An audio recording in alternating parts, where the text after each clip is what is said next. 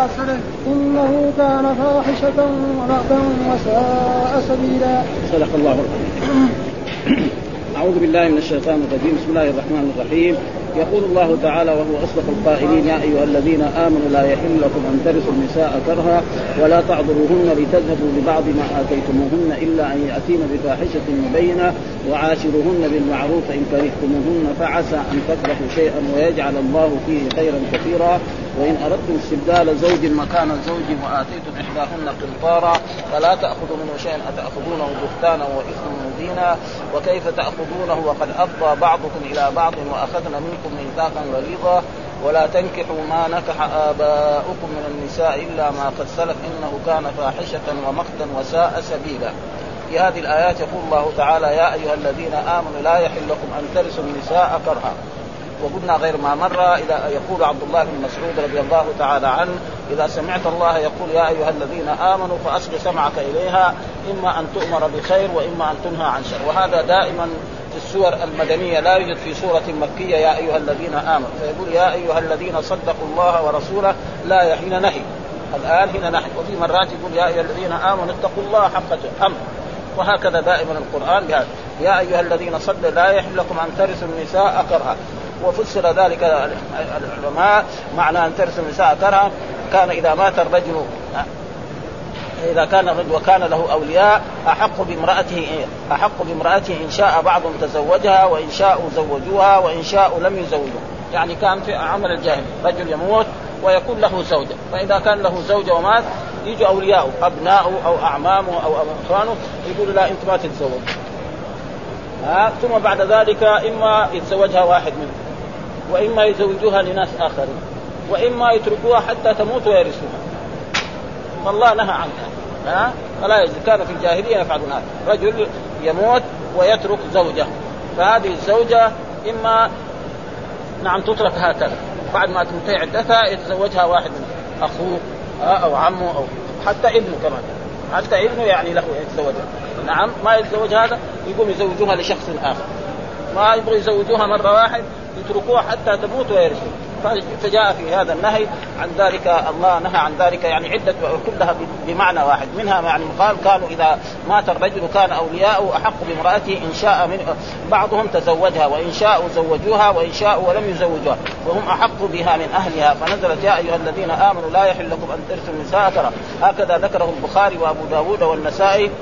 وابن مردوي وابن حاتم من حديث أبي إسحاق الشيباني واسمه سليمان بن سليمان عن عكرم عن أبي الحسن السوائي واسمه عطاء كوفي أعمى كلاهما عن ابن عباس بما تقدم. وقال أبو داود كذلك عن عكرمة عن ابن عباس لا يحل لكم أن ترثوا النساء كرها ولا تعذروهن لتذهبوا بعض ما آتيتموهن إلا يأتين بفاحشة وذلك أن الرجل كان يرث امرأة ذي قرابته فيعذرها حتى تموت أو ترد إليه صداقة فأحكم الله يعني نهى الله عن ذلك نهى الله عن ذلك تفرد به أبو داود وقد رواه غير واحد عن ابن عباس. عن عن ابن عباس قالت كانت امرأة في الجاهلية إذا توفي عنها زوجها فجاء رجل فألقى عليها ثوبا كان أحق بها. يعني إذا مات رجل من أقاربهم فيجي هو يحط ثوب عليه فإذا حط ثوب عليها خلاص هو أحق بها من غيرها. وهذا جاء في نهي عن رسول الله في القرآن في كتاب الله سبحانه وتعالى فلا يجوز. فإذا توفي الرجل وترك زوجها هذه الزوجة تجلس مدة من الزمن حتى تنتهي. فإذا انتهت عدتها فتتزوج من تشاء ممن إيه يحل لها. فلها أن تتزوج مثلا عمها أو أخوها أو أخو هذا الزوج كيف؟ أما كونهم يمنعوها أن تتزوج نعم وبعد ذلك يتزوجها أحد منهم قهرا أو أو يتركها هكذا أو يزوجها لمن شاء. ها يزوجها يقول يطلق يموت ثم بعد ذلك يقول لا ما تتزوج. يعني ويكتب عليها شهود. إذا انتهت عدتها يجي يقول يعني اللي يبغى يخطبها يجي يخطبها من هذا الرجل اللي مات له قريب. ها فإذا فيقول له أعطيني مبلغ كذا من المال. فإذا أعطاه مبلغ من المال يقول يرخص له إيه يتزوج. وهذا ظلم وعدوان. الظلم والعدوان لا لا يصيب الإسلام. فلذلك نهى الله عن ذلك فقال هذه الآيات يعني يا أيها الذين آمنوا وكذلك من ذلك قوله يا أيها الذين آمنوا لا يحل لكم أن ترثوا النساء كرها. قال زيد بن أسلم والآية كان أهل يثرب يعني إيه؟ يعني المدينة إذا مات الرجل منهم في الجاهلية ورث امرأته من يرث ماله وكان يعضلها حتى يرثها أو يزوجها آه، من أراد. وكان أهل تهامة يعني الذي هم أهل اليمن ويعني أهل مكة كذلك يسمى يسيء الرجل صحبة المرأة حتى يطلقها ويشترط عليها ألا تنكح إلا من أراد أن تفتدي به. يعني يسلم له مبلغ من المال. وهذا كله ظلم وعدوان والإسلام ينهى عن الظلم والعدوان ولذلك نهى عنها في هذه الآية فقال يا أيها الذين آمنوا لا يحل لكم أن ترثوا النساء كرها ولا تعذروهن لتذهبوا بعض ما آتيتموهن. وكذلك معنى يعني, يعني ولا تعذروهن يعني لا تضاروهن في العشرة. إيش معنى لا تعذروهن يعني لا تضاروا رجل يتزوج مرأة ويصير إيه؟ ما يبغى. يقوم إيه؟ يضرها يفيها دائما يسبها يشتمها ما يعطيها النفقة كذا حتى إيه؟ تدفش منه؟ تقوم تقول له أنت كم تزوجتني ب 100 هذه 100 ها؟ فهذا ما يجوز. ها؟ وهذا لا تعدلون كذلك العضل معناه منع المرأة من الزواج. ومن ذلك قول في سورة البقرة يا الذين آمنوا إذا طلقتم النساء فبلغن أجلهن فلا تعذروهن أن يكحن أزواجهن إذا تراضوا بين بالمعروف. ذلك يوعظ به من كان يؤمن بالله واليوم الآخر. ذلكم أزكى لكم وأطهر. وقد سبق ذلك في هذه سورة البقرة أن معقل بن يعني يسار زوج ابن عمه أخته فتزوجها وجلس معها مدة ثم طلقها. فلما طلقها و... واعتدت و... وانتهت من من العدة قام هو يريد يتزوجها ثاني مرة. جاء خاف قال له ابن عمه قال له أنا زوجتك هي أول. وتطلقها ودحين كمان تبغى قال والله لا أزوجك هي حلف بالله. لا زعل منه آه فأنزل الله تعالى هذه الآية يا الذين آمنوا إذا طلقتم النساء فلا تعضلوهن أن ينكحن أزواجهن إذا تراضوا بينهم بالمعروف. ذلك يوعظ بمن كان منكم يؤمن بالله وهذا كذلك يسمى عضل. هذا يسمى عضل وهذا يسمى عضل. ها هذا العضل اللي في هذه الآية غير وهو أن الإنسان يتزوج المرأة وتصير عشرته معها ما هي طيبه فيقوم إيه يضايق يسبها يشتمها ما يعطيها نفقة يفعل حتى إيه تقول نعم يعني تفتدي يعني تخالعه آه كما جاء في الإسلام يعني يسمى خلع. وهذا جاء في القرآن في قول الله تعالى الطلاق مرتان فإمساك بمعروف أو تسريح بإحسان ولا يحل لكم أن تأخذوا ما آتيتموهن شيء إلا أن يخاف أن لا يقيم حدود الله فان خفتم أن لا يقيم حدود الله فلا جناح عليهما فيما افتدت به. وهذا يسمى إيه؟ هو الخلع. ها؟ فإن طلقها فلا تحل حتى تنكح زوجا غيره. فإن طلقها بعد ذلك فلا جناح عليهما أن يتراجع إن طلق لأنه قال الطلاق مرتان. ثم بعد ذلك قال فإن طلقها فإذا بعض العلماء يرى أن الخلع ليس بطلاق. إنما هو فسخ لأنه لو كان عدينا طلاق يصير كان الله ذكر كم؟ أربع طلاقات. والقرآن قال الطلاق مرتان. ثم بعد ذلك في الآخر الآية قال فإن طلقها. ها؟ يعني الطلقه الثانية فلا تحل حتى تنكح زوجا. فإن طلقها الثاني هذا فلا جناح عليهما أن يتراجع ها؟ فلذلك بعض العلماء يرى أن الخلع لا يسمى طلاق. وأكثر العلماء يعني الفقهاء الأربعة يروا أنه طلاق وأن المرأة تعتد يعني إذا كانت من ذوات الاخراء ثلاثة وإذا كانت كبيرة من ثلاثة أشهر أو صغيرة ثلاثة وإذا كانت حامل حتى تضع. ها؟ وبعضهم يرى انه ولذلك بعض من من العلماء من يرى أن الخلع يعني يعني عدته حيضة واحدة بس. وأكثر العلماء على انه إيه يعني ثلاثة عدة. زي ما قال المطلقات يتربصن المطلقات جنس المطلقات. هذا هو يعني تقريبا فلا تعضلوهن يعني لا, لا لازم يعاشرها إيه لا يضارها في المعاشرة حتى تفتدي وهذا كذلك في نهي من الرب زي اليوم ها؟ الجاهليه العدة زي اليوم. لا آه، هذاك 100 كان. يطلقها 100 ويردها. ها؟ أو كمان يطلقها ثم إذا جاء قريب تغلق يردها ها فبعد ذلك أنزل الله تعالى هذه الآية. الطلاق مرتان. يعني الطلاق اللي فيه الرجعة مره يطلقها ثم بعد ذلك يردها قبل لا تنتهي عدتها ثم يطلقها مرة هذه مرة فإذا طلقها الثالثة ما تحل حتى تنكح زوجها وحتى تنكح معناها حتى يعقد عليها الرجل ويدخل بها ويتصل بها اتصالا جنسيا. ويجامعها أما لو طلقها وما دخل بها زي ما المحلل ده يدخل معها ليلة ويقوم يطلقها ما ترجع إلى زوجها الأول. ها كما جاء في الأحاديث الذي سيأتي بعد ذلك حتى تذوقي عسيلته ويذوق عسيلته. ومعنى إيه؟ يعني يعني حتى تذوقي لذة جماعة ويذوق لذة جماعة. ها فلا بد من هذا. فلذلك هنا في هذه الآيات يقول يا أيها الذين آمنوا لا يحل لكم أن ترثوا النساء ولا تعضلوهن. ها؟ يعني لا تعضلوهن تمنعوهن من النكاح لأن رجل يعني يموت ويترك زوجة فيجي أحد أقربائه ويأخذها ويقول لا أنت ما تتزوج. بعد ما إما يتزوجها هو أو يزوجها لشخص آخر أو يتركها حتى تموت ويرثها. فهذا في إيه؟ ولا ها؟ لتذهبوا ببعض ما اتيتم يعني تاخذ إيه؟ مالها ها؟ وترثوها. قال إلا أن يأتينا بفاحشة. إلا إذا كانت هذه المرأة بعد ما تزوجها الرجل وأتت بفاحش، إيش الفاحشه المراد به الزنا أو تكون بذيئة اللسان. ها؟ ما هي طيبة في المعاشرة. ها؟ بذيئة اللسان تسب وتشتم وتشتم اباءه واهله واقاربه ها؟ وتسبه هو. فهذا ولذلك هنا الفاحش المراد به الزنا ولكن يعني الإمام ابن جرير فسر بإيه؟ بأعم من ذلك. أن تكون بذيئة اللسان. لأن في بعض النساء عندها بذاءه سب والشتم وتسب وتسب أمه. اخته وتضايقهم وتصايق اولاده من غيرها فهذه نعم إذا كانت كذا قال و... إلا يأتينا بفا إذا أتينا بفاحشة وهو الزنا أو بذاءة اللسان فللرجل ذلك أن يطلقها ويأخذ منها يعني الصداق. وعاشروهن بالمعروف. يعني عاشروهن يعني عاملوهن بالمعروف. ها عاشروهن. يعني مهما كان الرجل لازم يعاشر زوجته بالمعروف. يعني بالإحسان وبإكرامها ويحسن إليها ولازم هذا. وهنا معنى عاشرهن يطلب طيبوا أقوالكم لهن واحسنوا أفعالكم وهيئاتكم.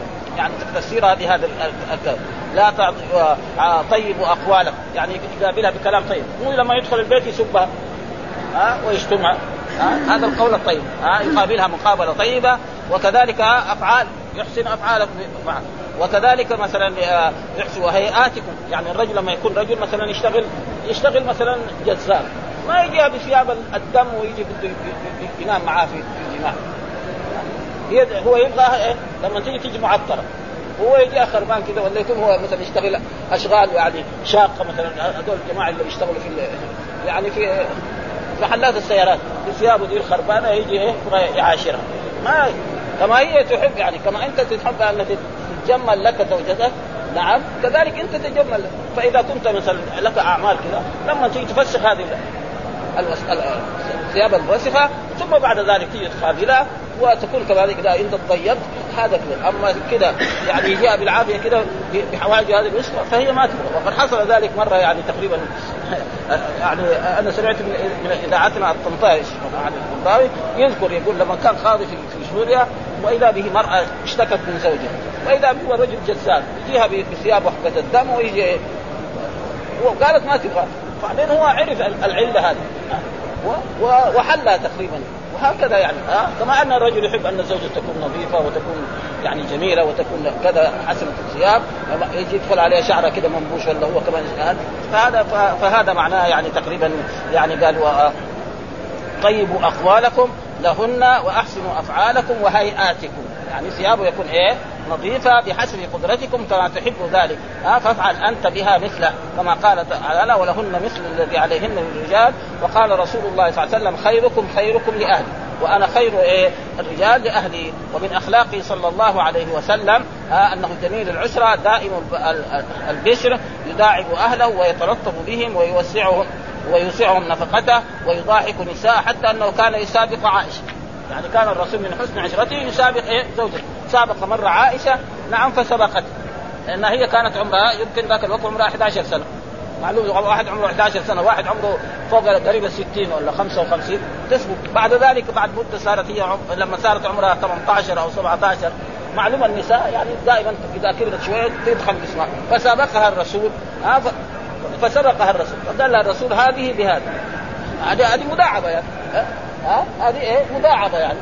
فالرجل يداعب زوجته حتى يقبلها مثلا فهذا يعني فاذا وللمؤمنين إيه؟ أسوة برسول الله صلى الله عليه وسلم. فلما كان رسول الله صلى الله عليه وسلم يعاشر النساء بالأحسن وقال خيركم خيركم لأهلي وأنا خيركم لأهلي وكان الرسول يداعب نساءه ويجلس معهم ويسابقها وكان كذلك في إذا جاء بالليل يدخل يعني إذا كان هو في ليلة عند فلانة يجتمعن نساء الرسول صلى الله عليه وسلم عنده. ويتعشون آه، يتعشى رسول الله صلى الله عليه وسلم معهن ثم كل واحد تذهب إلى إلى إلى مكانه فهذه المعاشره وكان ويجب علينا نحن المسلمين أن نكون كذلك نعاشر زوجاتنا مثل ما كان رسول الله صلى الله عليه وسلم لأن الله يقول لقد كان لكم في رسول الله أسوة حسنة. ها؟ وهذا معناه تقريبا الآية هذا يقولوا آه قال فإن كرهتموهن. وعاشروا فإن كرهتموهن. لأن رجل كان إيه كره زوجته. ها؟ كره يعني فيها خصال ما هي طيبة ما يمكن المرأة تكون يعني زي الساعة تمشي معها. ها لابد فيها أخلاق خربانة. ها مهما كان مهما كان. يعني نساء الرسول كان يتآمرن على رسول الله صلى الله عليه وسلم ولا يكلمنه طول النهار. فإذا كان نساء رسول الله يساووا هذا يساووا فرقتين. فرقة مع عائشة وفرقة مع زينب بنت جحش ضد رسول الله صلى الله عليه وسلم. مشكلة اذا إذا نحن حقنا يسووا؟ يقاتلون بعدين ها؟ ما في أفضل من هؤلاء. النسوة مع ذلك فعلوا مع رسول الله صلى الله عليه وسلم فرقتين. فرقة مع عائشة وفرقة مع زينب. حتى أنه أرادوا أن يحرموا عليه العسل. لأنه كان رسول الله صلى الله عليه وسلم يدخل على زوجته زينب بنت جحش وتسقيه عسلا. يجوا عندهم ما عندهم عسل. ما عندهم يمكن ما كذا صار آه فقالوا لا يعني لازم يساوي طريقه عشان ما ما يشرب العسل هذا ولا يدخل عندها آه فلما ساووا مؤامره يعني إذا دخل حزب عائشة هذول يعني تقول سوداء يعني من خوفها من عائشة قبل لا يدخل الرسول تبغى تقول. آه قالت يا رسول الله إني أشم منك رائحة كبيرة. يعني أبدا ما من رائحة كبيرة. قال ليش؟ قال لأني مررت على زينب وأسقطني عسل قال اذا آه يعني هذا العسل مر على شجر. يعني فيه رائحة كريهه فقال إني حرمت العسل. فأنزل الله تعالى يا أيها النبي لم تحرم ما أحل الله لك تبتغي مرضات أزواجك والله. فإذا كنا نساء الرسول هكذا يعني فهؤلاء نساءنا ونساء الناس التابعين ومن قبلهم فمن باب أولى واحرى فلذلك يجب يعني وعسى أن تكرهوا شيئا فسيكون فيها خصال ما هي طيبة. فإذا كرهتم هذا يعني فاقبلوها. لعلها بعد ذلك تتصلح. لعلها مثلا تلد ولدا يصير ولد صالح طيب. أو بنتا طيبة أو جملة من الأولاد والبنات. ها مثل ما قال الله تعالى يعني يهب لمن يشاء إناثا ويهب لمن يشاء الذكور أو يزوجهم ذكرانا وإناثا. ها فلذلك فعسى أن تكرهوا شيئا. يعني عسى رجل يكره هذه الزوجة لبعض خصالها الذميمة فليصبر عليها. يعني معناه بأن يصبر لأن المرأة خلقت من ضلع أعوج. لا يمكن أن تستقيم تماما. مهما مهما عمل الرجل معها ابدا. وقد جاء في أحاديث عن رسول الله مرت علينا أن الرسول صلى الله عليه وسلم لما وعظ الرجال ثم ذهب ووعظ النساء فقال إني رأيت النار ورأيت أكثر كنا رأيت يعني أكثر أهل النار النساء. قالت مرأة لماذا؟ قال لأنكم تكثرن اللعن وتكفرن العشير قال تكفرن بالله قال تكفر لو أحسنت إلى إحداهن الدهر كله ثم رأت منك شيئا قالت ما رأيت شيئا فإذا كنا هؤلاء النساء كذا فلازم إيه فهذا معناه يعني فعسى أن تكرهوا شيئا ويجعل الله فيه خيرا كثيرا، إيش من الخير؟ أن يرزقكما منها الولد أو البنت أو الولدان أو البنتان ويكون هؤلاء ناس صالحين طيبين في هذا. ثم بعد ذلك يقول الله تعالى وإن اردتم استبدال زوج مكان زوج. يعني رجل كان مع زوجته وأراد أن يطلقها. فلا يقوم إيه؟ يضايقها و ويسيء إليها حتى تفتدي منه. ها؟ يسيء إليها يسبها يشتمها لا ينفق عليها لا ينفق على أولادها حتى تقول له طلقني يقول له طيب أنا أطلقك تعطيني الصداق حقي. أنا تزوجتك ب 1000 تعطيني ال 1000 ها زوجتك ب 5000 في عصرنا ولا 10000 أو 100000 دحين في عصر الناس يتزوجوا. ها فيقوم يطلق فهذا يعني ما ما يجوز. فما تبغى طلقها خلاص وعليك كمان النفقة. مثل ما قال الله تعالى يا أيها النبي إذا طلقتم النساء فطلقوهن لعدتهن وأحسن العده واتقوا الله رب لا تخرجوهن من بيوتهن. ولا يخرجن إلا ايات يعني كمان ينفق عليه مو النهار ما يطلقها والنساء كذلك يفعل أي رجل يطلق زوجته ما تقدر تقعد في بيته. يزعل عليه وأهلها كمان يزعل عليه وياخذ بنته ويروح مع أن القرآن أمر بايه؟ أن تجلس في بيت زوجها حتى تنتهي عنده فإذا كانت هي من ذوات الحيض ثلاثة حيض ثلاثة أشهر تضع وإذا كانت حامل حتى تضع بعد ذلك تنتقل إلى أهلها. آه النساء الآن يعني خصوصا في عصرنا هذا ما أشوف يعني واحدة مرأة ترضى يطلقها زوجها وتقعد في بيته. آه إلا إذا كان عندها أولاد كثير وله بيت كبير يمكن هي تجلس فيها وهو يجلس. وهذا فيه فائدة. لذلك الله يقول يعني إذا طلقت فطلقوهن لعدتهن وأحصوا ودوا ربكم. لا تخرجوهن من ولا يخرجن إلا يأتين بفاحشة وتلك حدود الله. ومن يتعد حدود الله فقد ظلم. لا تدري لعل الله يحدث بعد ذلك ابدا بعدين بعد ما طلقها وقعد خمسة أيام ستة أيام يجي في البيت تلاقيه مظلم البيت. يقول له إيه ده المشكلة ده؟ ها كانت تقابل وهذا يقوم يردها هذا لعل الله يحدث بعد كان زعلان عليها في المية مية. لما قعد خمسة أيام ستة أيام أو قعد شهر كمان ما ما عنده زوجة معلومه الرجل يحتاج إلى المرأة. طيب يردها هذا هذا يعني هذا فيه فوائد يعني. فلأجل ذلك أمر الله بهذا. فإن أردتم استبدال زوج مكان زوج وأتيتم إحداهن قنطارا القنطار معناه مال كثير. وقد بين لنا في سورة أول آل عمران إيش معنى القنطار؟ قال بعضهم قال 100 دينار وبعضهم دينار. المقصود المال الكثير. فإذا أعطينا إحداهن قنطارا فلا تأخذوا منه شيئا. إذا رجل تزوج مرأة بقنطار من الذهب ولذلك في قراءة يعني بعض القراء قنطار من الذهب. مو من إيه؟ يعني من فضة أو من أوراق نقدية أو أوراق خربانة زي دحين في عصرنا هذا. في بعض الأوراق يعني خربانه مثلا الجنيه المصري والجنيه السوداني. يسوى ريال ونص بعد ما كان يسوى 10 ريال. ها؟ ها؟ في يعني مثلا الدولار يعني. هذا شوية الاسترليني كمان برضه نازل. وشوف ما في عمل ثانية ما, ما نعرف عنها أي شيء. فلا يجوز لك أيها الرجل أن تاخذ بل انت طلقها خلاص. ها؟ طلقها وخلاص تروح وتعتد ثم تروح تتزوج من شاء. ها فلا تأخذوا منه أتأخذونه بهتانا؟ حرام عليك. ها تأخذونه بهتانا. واثما مبينا يعني ذنبا مبينا ظاهرا. وكيف تأخذونه؟ وقد أفضى بعضكم إلى بعض. قد أفضى بعضكم إلى بعض. يعني إيه؟ يعني اتصل بعضكم ببعض. يعني بأنك أيها الرجل جامعت هذه كم مرة جامعتها؟ يكون قاعدة معها سنين. مئات المرات. بعد ما تجمع وتلتز بها وتصير معه مبسوط بعد ذلك تقوم تطلقها وتقول لها كمان اعطيني حق. والرجل اذا إذا دخل على زوجته واتصل بها اتصالا جنسيا مرة واحدة استحقت الصداق كله. خلاص. ها الصداق كله صار حقها من ها, ها واحدة ليلة. مو هذا ما شاء الله قاعد معاه كم 10 سنوات أو 20 سنة أو 30 سنة كمان. يعني لو أراد يعد الجماع ما يدري كم مرة. فلا يستحق قرش واحد. حرام عليه فإذا أخذ هذا فهو قد ظلمها. ولأجل ذلك جاء في الاحاديث عن رسول الله صلى الله عليه وسلم لما حصل اللعان نعم بين الرجل اللي رمى زوجته بالزنا وثم أنزل الله تعالى نعم والذين يرمون أزواجهم ولم يكن لهم شهداء إلا أنفسهم فشهادة أحدهم والذين يرمون أزواجهم فشهادة أحدهم أربع شهادات بالله إنه لمن الصادقين أن لعنة الله عليه كانوا الكاذبين ويدرى عن عذاب أن تشهد أربع شهادات بالله إنه لمن الكاذبين والخامسة أن غضب فلما لعنها قال لهم الرسول أحدكما لابد كاذب. ها؟ فقال الرجل قال تعطيني صداقة. ترد إلى لا أبدا صداقة ما قال بما استحللت من فرجك وكم مرة اتصلت بها وجامعتها ابدا. آه وإن كنت يعني مستحللت من فرجها فليس لك فيها أي شيء. وكيف تاخذ قد أفضى بعضكم إلى بعض. إيش معنى أفضى؟ هنا بمعنى اتصل حصل الاتصال يعني ومعنى باللفظ التصريح يعني الجماع. أفضى بعضكم بأنك جامعتها وهي تلذذ بجماعك وهي كما قال حتى تذوقي عسيلته ويذوق عسيلته. ليه سمي عسيلة؟ لأنه الجماع لذيذ. ما في ألذ منه يعني معروف عند كل الرجال وعند كل النساء ما في ألذ منه. فلذلك الرسول يخاطب الناس بالأسلوب ذا حتى تذوقي عسيلته ويذوق يعني تذوقي لذة جماعة ويذوق لذة جماعك وأخذنا منكم ميثاقا غليظا، إيش أخذنا منكم؟ أخذنا يعني هؤلاء لأنه هذا الحين حكم عام مو بس لهذا الذي حصل. وأخذنا يعني أخذنا النساء ها جملة الزوجات منكم ميثاقا غليظا، ما هو الميثاق الغليظ؟ العقد إيش الميثاق الغليظ في هذه الآية؟ العقد لأن الرجل لما جاء يخطب المرأة هذه قال له وليها زوجتك بنتي فلان أو أختي فلان أو وليتي فلان. فهذا أخ... أو أخذنا منكم ميثاقا غليظا القرآن أمسكوهن بمعروف أو سرحوهن بمعروف. ها؟ يعني فسر بهذا التفسير إما بالعقد وإما قول الله تعالى فامسكوهن بمعروف أو سرحوهن بمعروف ولا تمسكوهن ضرارا. ثم بعد ذلك يقول الله تعالى ولا تنكحوا ما نكح آباؤكم من النساء. هذا كذلك نهي. كانوا في الجاهلية الرجل يتزوج المرأة الأب يتزوج المرأة ويموت. فإذا مات يقوم ولده يتزوجها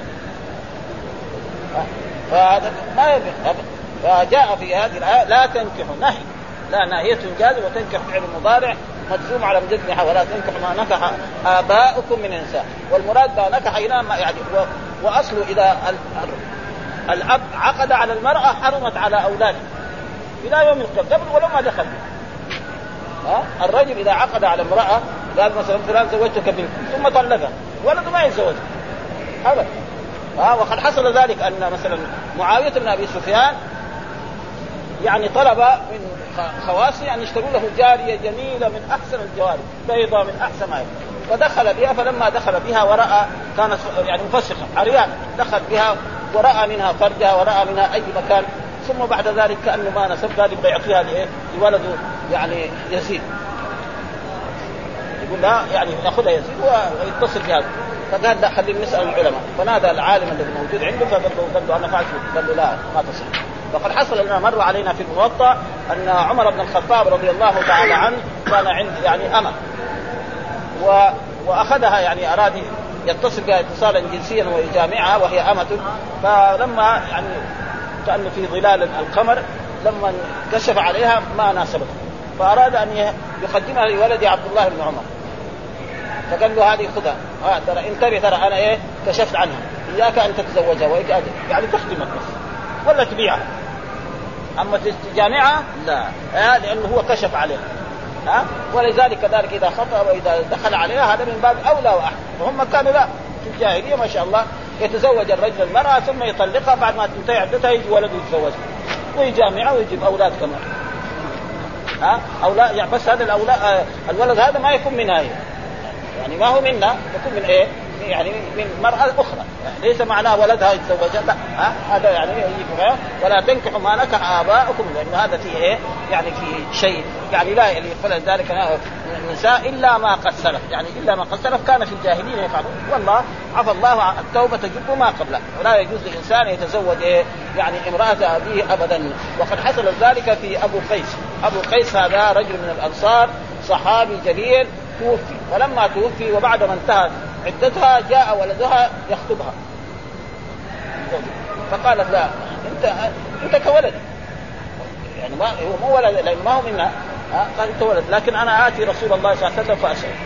فجاءت إلى رسول الله وسألته. فقال إن أبو قيس توفي وجاء ولدها يخطبني.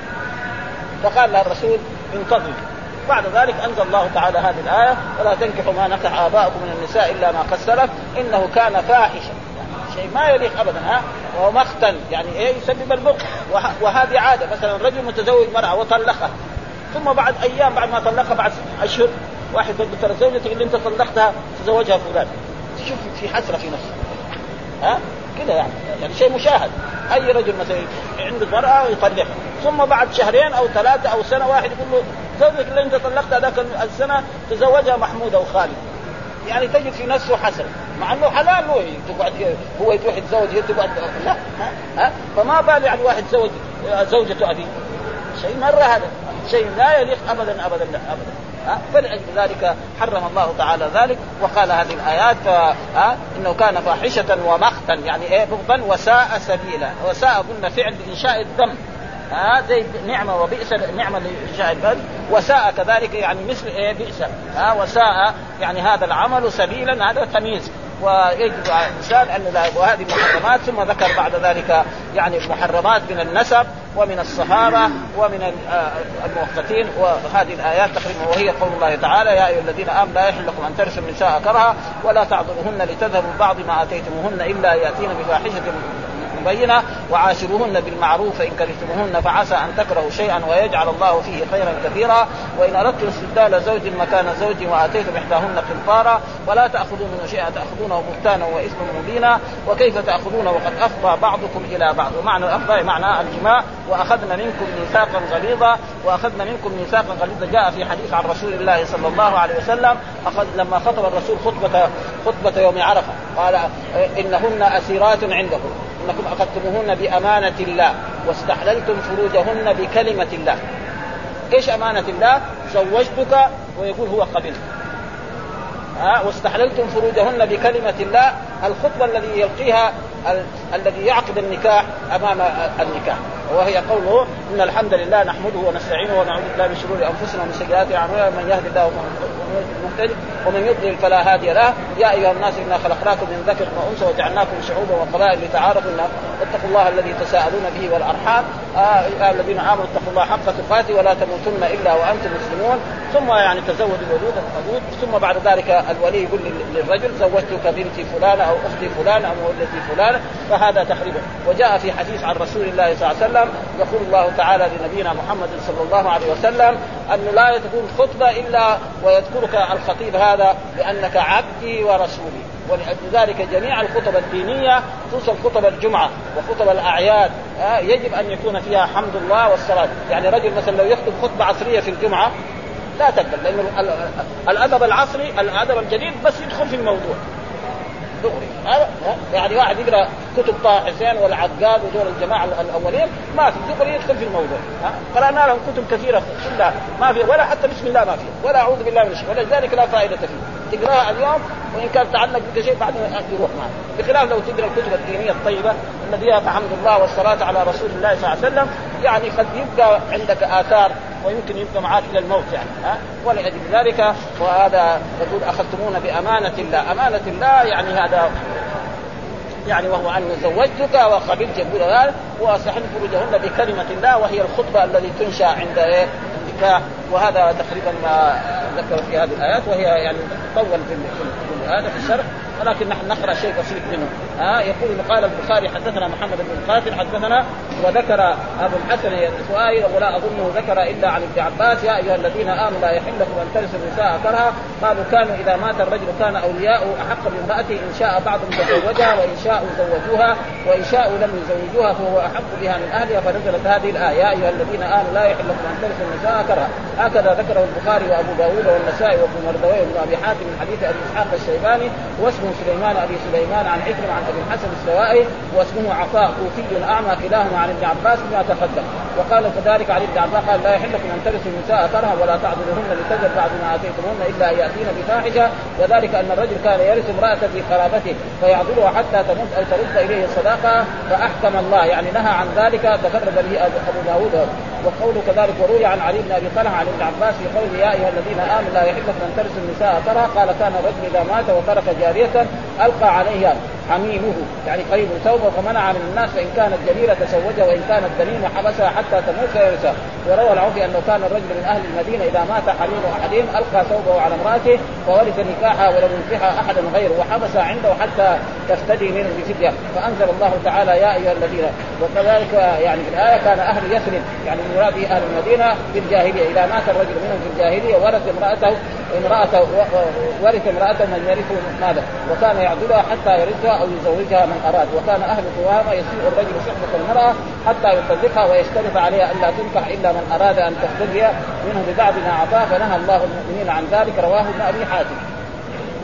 ها؟ وقال لا يحل لكم أن ترثوا النساء كرها. قال ابن جرير قال نزلت في كبشه بنت معن بن عاصم بن الاوس توفي عنها أبو قيس بن أسفل فجنح إليها فجنح عليها ابنها فجاءت رسول الله وقالت يا رسول الله لا أنا ورثت زوجي ولا أنا تركت فانكح فانزل الله تعالى هذه الآية وقال الصديق كذلك فألقى عليها ثوب فان كان ابن فإن كان له ابن صغير أو أخ حبسها حتى يشب أو تموت فيرثها فهي وان هي انفلتت فأتت أهلها ولم يلق عليها ثوبا نجت. فأنزل الله تعالى لا يحل لكم أن ترثوا النساء كرها ولا تعبدوهم بعدين.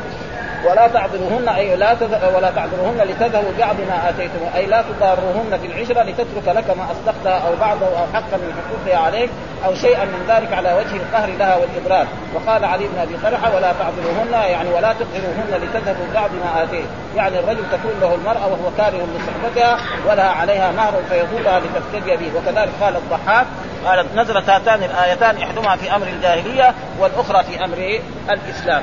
لا يحل في الجاهلية ولا تعذرهن في الإسلام. وهذا مثل ما ساء معقل بن يسار فإنه ما أراد يزوج أخته لرجل طلقها فأنزل الله تعالى يا أيها الذين آمنوا اذا طلقتم النساء فلا تعذرهن إن ينكحن أزواجهن حتى تراضوا بينهم بالمعروف. ذلك يوعظ بمن كان. فكفر عن يمينه وزوجه. حسب أمر الله سبحانه وتعالى. فقال نحن ازوجك وكف وكفر. لأنه قال حلف والله ما يزوجك. ها ومعلوم أن الإنسان إذا حلف لازم يكفر عن يمينه ففعل ذلك.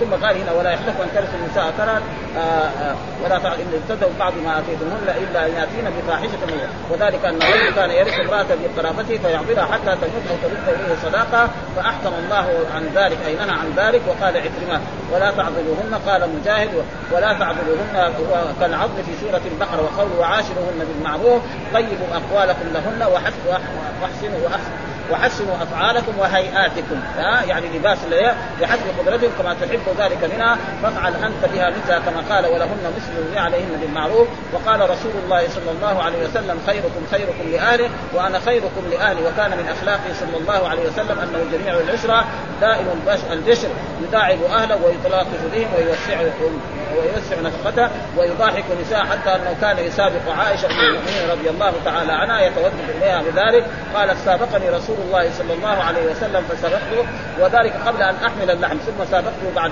بعد ما حملت اللحم فسبقني وقال هذه بتلك ويجمع نساءه كل ليلة يبيت كل ليلة في بيت التي يبيت عندها رسول الله صلى الله عليه وسلم فيأكل معهن العشاء في بعض الأحيان ثم تنصرف كل واحدة إلى منزلها وكان ينام مع المرأة مع نسائه في شعار واحد يضع كتفيه يضع عن كتفيه الرداء وينام بالإزار وكان إذا صلى العشاء يدخل منزله يسكن مع أهله قليلا قبل أن ينام يؤانسهم بذلك. وقد قال الله تعالى لقد كان لكم في رسول الله أسوة حسنة. وأحكام عشرة النساء وما يتعلق بترتيب ذلك موضعه كتاب الأحكام. يعني كتاب الأحكام كتب البيت قوله تعالى فإن كرهتموهن فعسى أن تكرهوا شيئا فعسى أن يكون صبركم وإمساكهن مع الكراهة فيه خير لكم في الدنيا والآخرة. كما قال ابن عباس وهو أن يتعطف عليها آه، فيرزق منها ولدا ويكون في ذلك الولد خيرا كثيرا. وفي الحديث الصحيح لا يفرق مؤمن مؤمنة إن سخط منها فرقا رضي منها آخر.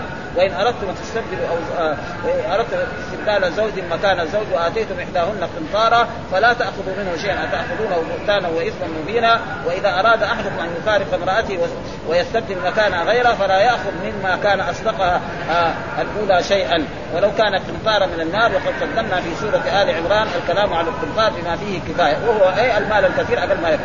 وفي هذه الآية دلالة على جواز الإصداق بالمال الجزيل وقد كان عمر بن الخطاب نهى عن كثرة الأصدقاء ثم رجع عن ذلك. قال الإمام أحمد قال نبيت أن ابن جحفاء قال سمعت عمر بن الخطاب يقول لا تغالوا في صداق النساء فإنه لو كان مكرمة في الدنيا أو تقوى عند الله. قال لازم يكون ما يتزوج النساء إلا بإيه؟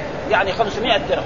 500 درهم معناه تقريبا 500 آه، درهم أو 12 وقيه وهو كان تقريبا 500 ريال.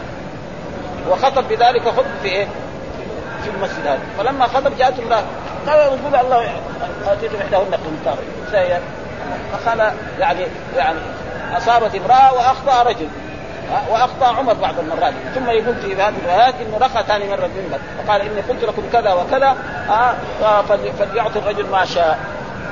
وكان عمر رجل وقاف على ولأجل ذلك كثيرنا الآن جميع في المملكه العربية السعودية عالجوا هذا. يعني لازم يكون الصداق قليل آه القبيلة الفلانية قالت كذا القبيلة الفلانية كذا. ما في فائدة. ابدا. إيش؟ إلا طريقة واحدة وهو الطريقة الواحدة أن الكبار والعظماء يزوجوا بناتهم ومولاتهم بأقل. أما إذا كانوا الكبار يساووا كذا كمان الفقراء كمان يساووا ولو يتدين. كذا دحين الفقراء يتدين. 100000 ريال يبغى يتزوج 100000 ريال من فين يجيب الموظف؟ مثلا تخرج من الجامعة.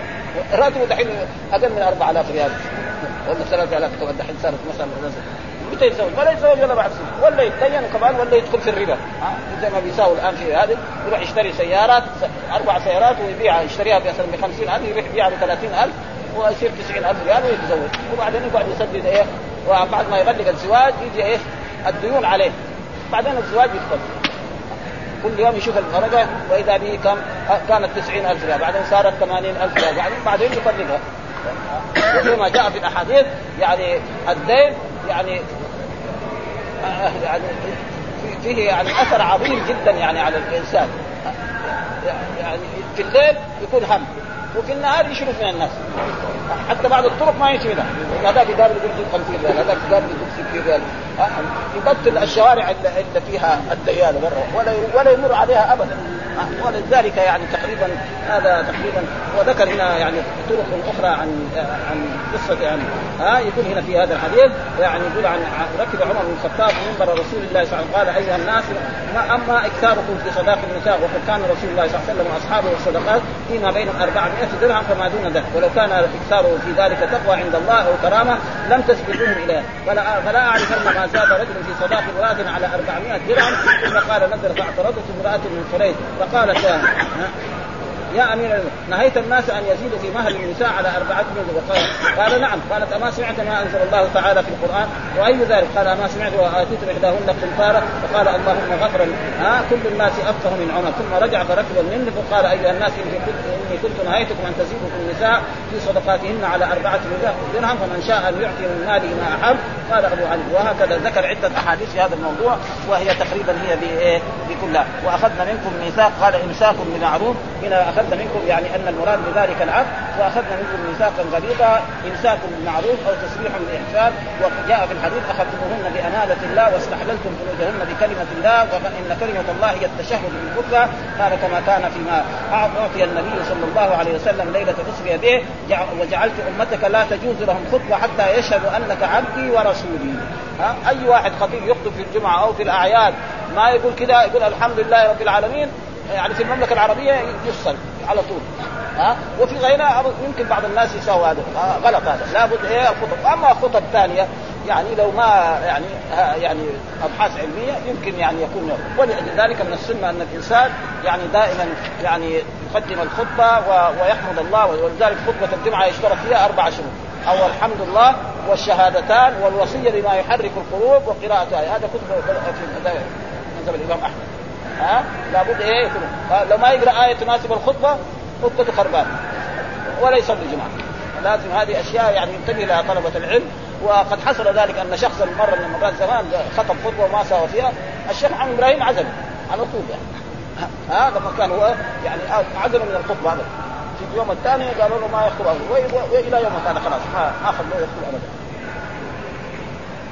ثم بعد ذلك انزل ولا تنكح ما قال نزل في أبي قيس بن خلف على أم عبيد ضمرة وكانت تحت أبيه وفي الأسود بن كانت عند أبيه وفي فاخذها ابنة الأسود كانت عند عند أمية بن خلف فخلف عليها صفوان بن أمية وقد زعم إن نكاح نساء الآباء كان معمولا به في الجاهل ولهذا قال إلا ما قسره وأن تجمع بين الأختين إلا ما قسره وقد فعل ذلك كنانة بن خزيمة تزوج بامرأة أبيه واولد فأولدها ابنه النضر بن كنانة وهذا من أجداد النبي صلى الله عليه وسلم وقد قال ولدت من نكاح لا من سفاح فاذا هذا معناه إنه جائز. كان في إيه؟ في الأول. وأما الآن فلا يجوز لأحد ولا تنكح ما نطع اباءكم النساء وأن تجمعوا بين الأختين.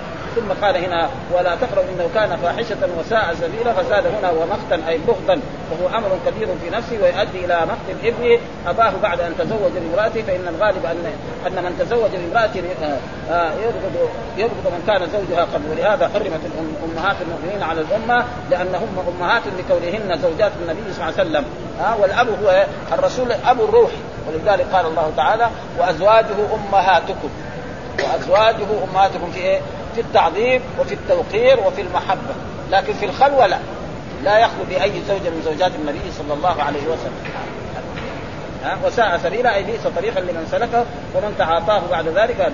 وجاء في أحاديث وقد أجمع العلماء على تحريم من وطئها الأب بتزويج أو ملك أو شبهة واختلفوا في من باشرها بشهوة دون الجماع أو نظر إلى ما لا يحل له النظر منها منها لو كانت أجنبية فعن الإمام أحمد رحمه الله أنه تحرم أيضا لذلك وقد روى الحافظ بن عساكر في ترجمه خديجة الحمصي مولى معاوية قال اشتري لمعاوية جارية بيضاء جميلة فادخلها عليه مجردة. يعني عريانه ها؟ وبيده خصيفه جعل يهوي بها إلى متاعها والظاهر إلى فرجها. متاعها ما يعبرها إلى متاعها إلى فرجها ويقول نعم المتاع لو كان له متاع. ها اذهب بها إلى يزيد بن معاوية. ثم قال لا أدعو آه ثم قال لا لا ادعو إلى آه قال ادعو لي ربيعة الذي إيه ابن عمرو الحرسي وكان فقيه فلما قال إن هذه آه، أتيت بها مجرده فرأيت منها ذاك وذاك. يعني ما راى راى قبلها ودورها يعني الظاهر هذا ما فسره ولكن هو وإني أردت أن أبعث بها إلى فقال لا تفعل يا فإنها لا تصلح له. ثم قال نعم ما رأيت. ثم قال لعبد الله بن مسعده الفزاري فدعوت وكان آدم شديد يعني كان أسود. فإذا تزوج مرأة بيضاء يصير بعدين أولاده بيض شوية. أو يصير سمر أقل ما يكون. ها؟ فقال له خذ بيض ولدك. ها؟ خذ بيض ولدك. فالرجل الأسود إذا تزوج مرأة بيضاء خصوصا شديد البياض ابدا يمكن الأولاد كلهم يصيروا زي زي الأم ها؟ أو يصيروا سمر ها؟ يعني ما يصيروا سود زي هذا ها؟ فقال له خذها وبيضها وبالفعل أخذها وهكذا يعني. والحمد لله رب العالمين وصلى الله وسلم على نبينا محمد وعلى آله وصحبه وسلم. جزاك الله سؤال حياك الله الرسول عليه الصلاه والسلام النساء الائمه الاربعه يعني يرى والله ورسوله يقول يعني إذا كان الانسان مثلا يتزوج مرتين يعني إذا خرجت واحدة ابدا مثلا ليلة امتحان الليلة ما يرجع إلى ثاني يعني نروح يعني لا اولا اولا في خلاف أن الرسول هل يجب عليه القسم أو ما يجب؟ في خلاف. بعض الناس ما يجب عليه القسم ها؟ ولذلك مر علينا في دراستنا أن الرسول جامع زوجاته تسع شهور لما أراد يحج حجة الوداع. يعني في كثير من العلماء يقول أن الرسول لكن هو كان إيه؟ يقسم ها يعني الرسول لازم أما الرجال الباقين المسلمين لازم إيه يقسموا بين إيه فإذا عنده الليلة هذه أما روح يدخل عليها ما في شيء. يعني ما في ممنوع يدخل عليها يسلم عليها ما في شيء. إنما يروح ينام عندها ولا يجامعها في غير ليلتها هذا ممنوع. أما مثلا رجل متزوج مرأتين ها كان الليلة هذه عند هذه وراح في النهار عند هذه وجلس معها بيتها أو أو غدا غرض من الأغراض لكن ما يجامعها ولا ينام عندها الثانية هذا بالنسبة للمسلم أما الرسول لا. فالرسول صلى الله عليه وسلم يعني لا يجب عليه الجمع ولذلك جاء في القرآن يعني ترجي من تشاء منهن وتؤوي إليك من تشاء ومن ابتغيت من عزلت فلا جناح عليك. ذلك أدنى أن تقر عينهن ولا يحزن ولا بعد ذلك لا يحل لك النساء من بعد. ولن تبدل بهن الأزواج ولو اعجبك حسنهن إلا بعد ذلك نسخت آه هذه كمان نسخت يعني من الرسول ذلك الرسول تزوج تسع نسوة 11 زوجة يعني. ها آه. آه. فيعني أصح الأقوال أن الرسول لكن كان هو كان يقول هذا قسمي فيما أملك فلا تلمني فيما تملك ويعني ميل القلب. هذا إلى الله. يعني ما يمكن واحد رجل يحب زوجاته حبه واحدة. مستحيل واحدة تريد تتلابش معاه دائما وواحدة يعني اخلاقها ممتازة. ما يصير هذه وهذه لكن هذه ينام عندها ليلة ولا يلزم من ذلك أن في جامعة. الجماعة وقت الحاجة. مثلا واحدة جامعه خمس مرات واحدة جامعه واحدة كبيرة ما يبغى. ويكفي ذلك أن سودة تركت يعني تنازلت عن ليلتها لعائشة رضي الله عنها.